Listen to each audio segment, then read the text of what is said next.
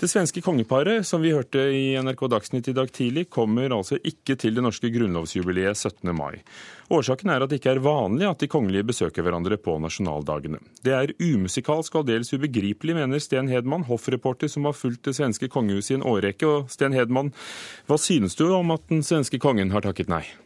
Ja, jeg syns at det viser en brist på respekt. Eh, jeg syns at det er ugjennomtenkt og historieløst. Jeg mener, Kongen måtte jo kjenne til at det var hans anfedre, Bernadotterne, som var med og hjelpte til å skape dette, denne grunnlag for 200 år siden. Så skjønte De var ikke særlig begeistret for den. Han gikk vel ganske mye imot og ville gjerne at vi skulle ha litt mindre frihet? Ja, i og for seg, og det ble litt krig etter og så der, men det er jo 200 år siden nå, så jeg tror at det er glemt. Jeg syns at uh, kunga, det svenske kungahuset borde virkelig vise mer respekt for, för, för Norge. Jag, man vet jo hvor stort dette er for norrmännen og norske folket. Och, men, men, men hvorfor tror du det er blitt slik at de har sagt nei? Ja, det, det finns ju en rutin at man altså ikke reser på nationaldagar til andre nasjoner. Det är mycket möjligt att man inte har tänkt sen att detta inte bara var ett nationaldagsfirande utan ett grundlovsjubileum. Att man inte hade klart för sig det på hovet, att kungens rådgivare helt enkelt var okunniga om det här. För att eh, jag har svårt att tänka mig att man hade kunnat säga nej annars. Jag tycker det är obegripligt. Karl Erik Grimstad, statsviter og forfatter av flere bøker om kongehuset. Hva synes du om at det svenske kongehuset har takket nei til å komme? Nei, Det må jo være helt opp til eh, kongehuset selv å gjøre det. Jeg synes jo er er jo, jo det er en fin tanke uh, om de hadde kommet. Men, uh, men, altså når de har sagt nei, så klarer jeg ikke hisse meg veldig opp over, over, dette her. Altså Vi må være forsiktige med å gjøre dette grunnlovsjubileet til en slags monarkigreie. Og det er jo helt fantastisk det min, min svenske kollega her på andre siden av kjølen sier at dette her var noe Bernadottene bidro med. Det tvert imot, vil jeg si. Altså, det, altså, på sensommeren 1800 14 så, så sto det svenske tropper i, i, i, Norge, og Sverige var en invasjonsmakt. Så vi, vi, må vel holde eh, det historieløse litt borte fra denne diskusjonen, tror jeg. Hedman, men... Ja. Men dette er, to, dette er glemt og, for, og for, for, forblir i, i tystnaden. I dag lever vi jo som venner. Vi er et broderfolk. Jeg mener, vi har eh, sterke kontakter med Norge og norske kongehuset. Ja. Ja, det, og, nettopp, ja, og, nettopp, derfor så syns jeg jo at, at, det ville jo være en skandale hvis f.eks. Fredrik Reinfeldt eller Helle Thorning-Smith ikke kom til denne feiringen. Jeg vet ikke om de er invitert, jeg vet ikke om de kommer, men det syns jeg absolutt de burde, for dette er en politisk sak. Altså, Grunnlovsjubileet vårt det er ikke en monarkigreie, som jeg sa. Det er folkest, en folkestyresak.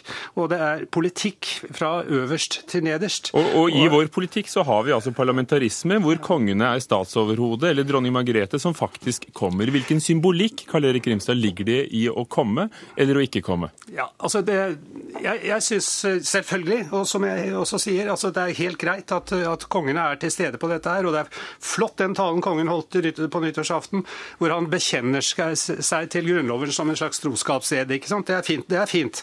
Men dette her dreier seg først og fremst om politikk, og vi skal bruke dette grunnlovsjubileet f.eks. til å røske ut de siste elementer av eneveldet som er i Grunnloven vår. og nå er vi vel langt inne i din neste sak, Hugo Fermariello. Uh, ja, som handler om uh, fornying av Grunnloven. Sten Hedman, du har foreslått at det norske kongehuset, altså ikke Stortinget som nå, burde invitere det, det, svenske. Hva ville det forandret?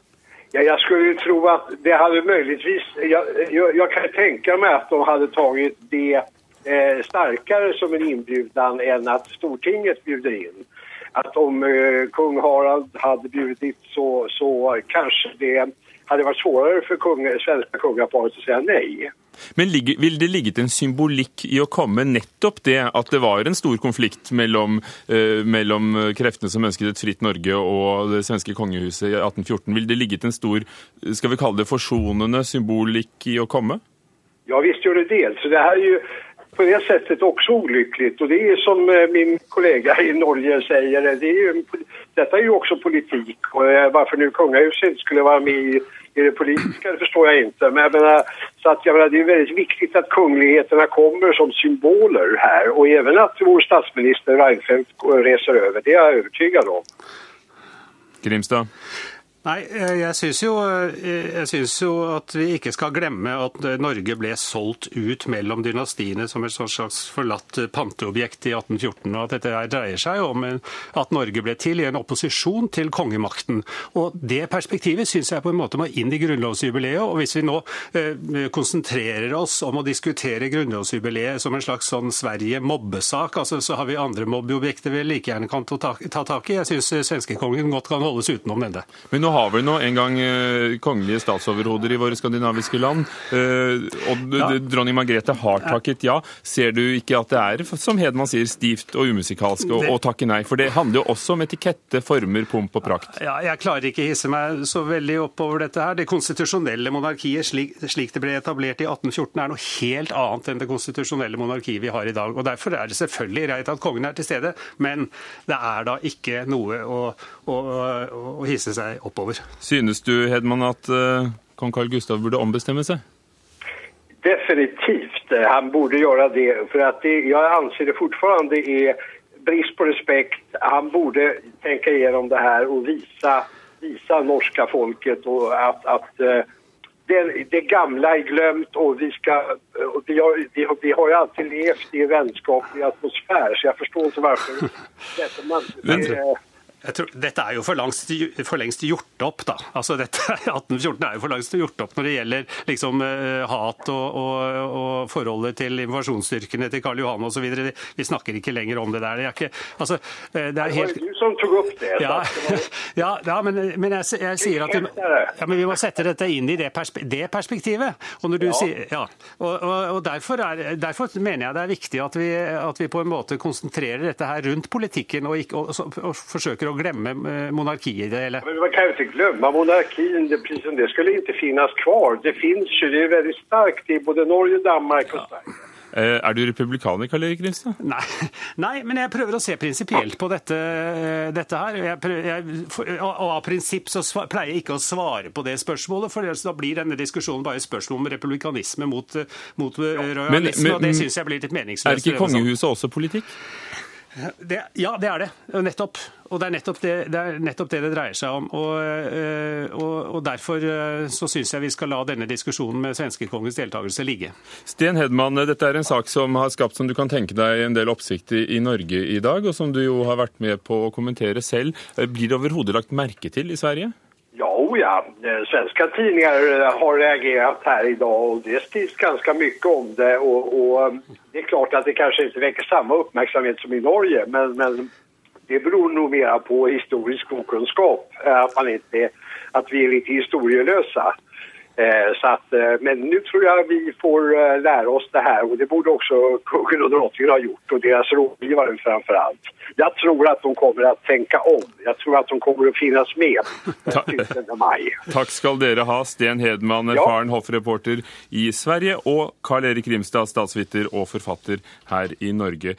Litt tidligere i dag snakket jeg også med Karsten Alnes, forfatter av fembindsverket 'Historien om Norge', og nå sist boken 1814 'Miraklenes år', og spurte ham hvorfor han mener at dette burde være en anledning også for svenskene å feire, for det syns han. Ja, Først og fremst så syns jeg det er grunn til å feire at i år, altså i 2014, så har det faktisk hersket 200 års sammenhengende fred i Norden mellom nordiske folk, mellom dansker, svensker og nordmenn. Det er ikke avfyrt et skudd mellom, mellom skandinaviske brødre på 200 år. De siste skuddene falt egentlig på Jomfruland den 19. august 1814. Eh, Eller da kan man si ved Fredriksten noen dager før, og ved Fredrikstad noen dager før. Altså det var den siste krigen. Og det var den siste av en rekke blodige kriger fra 1400-1500-tallet som skapte hat og bitterhet.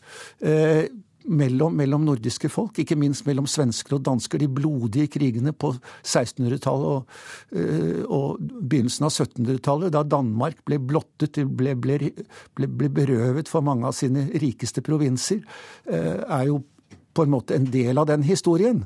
Som øh, ble avløst av en lang fred, som 1814 markerte begynnelsen på. Det syns jeg det er grunn til å feire, og det syns jeg at de svenske rådgiverne i, på, i Stockholm burde, burde, være seg bevisst.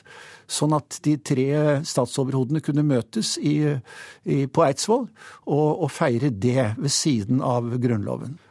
For samtidig er det vel sånn at 17. mai og den norske grunnloven er en torn i øyet på det svenske kongehuset. For hadde det ikke vært for eh, eidsvollsmennene og, og, vår grunnlov, så, eh, så, hadde Sverige fått et mye strammere grep om Norge da de overtok Norge etter eh, napoleonskrigene?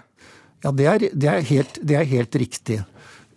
Og det kan også være litt malurt i begeret ved erkjennelsen av at Karl Johan, altså vår andre unionskonge, det var jo Karl 13. som ble valgt til konge i 1814, men Karl Johan var jo hans eh, adoptivsønn og ble, kom på tronen i 1818.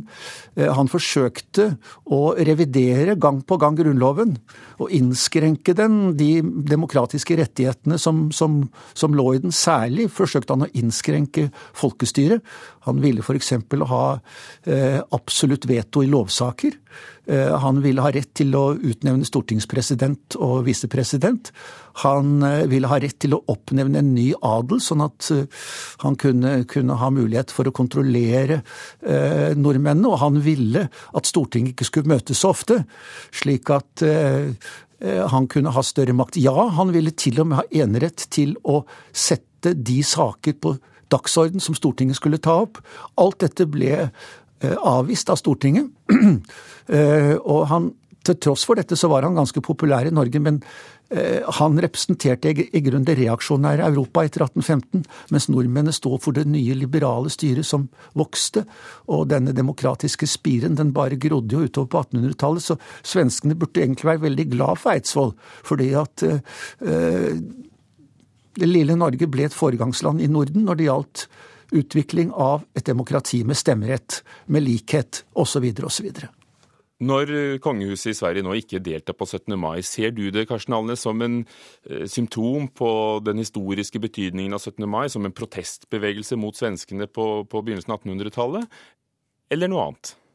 Jeg ser det på som kunnskapsløshet og, og slurv i, og, i, i det, det svenske konsulentsystemet. Jeg kan ikke forstå noe annet enn at det er det sa Karsten Alnes, forfatter av 1814, 'Miraklenes hår' og mange andre bøker om norsk historie.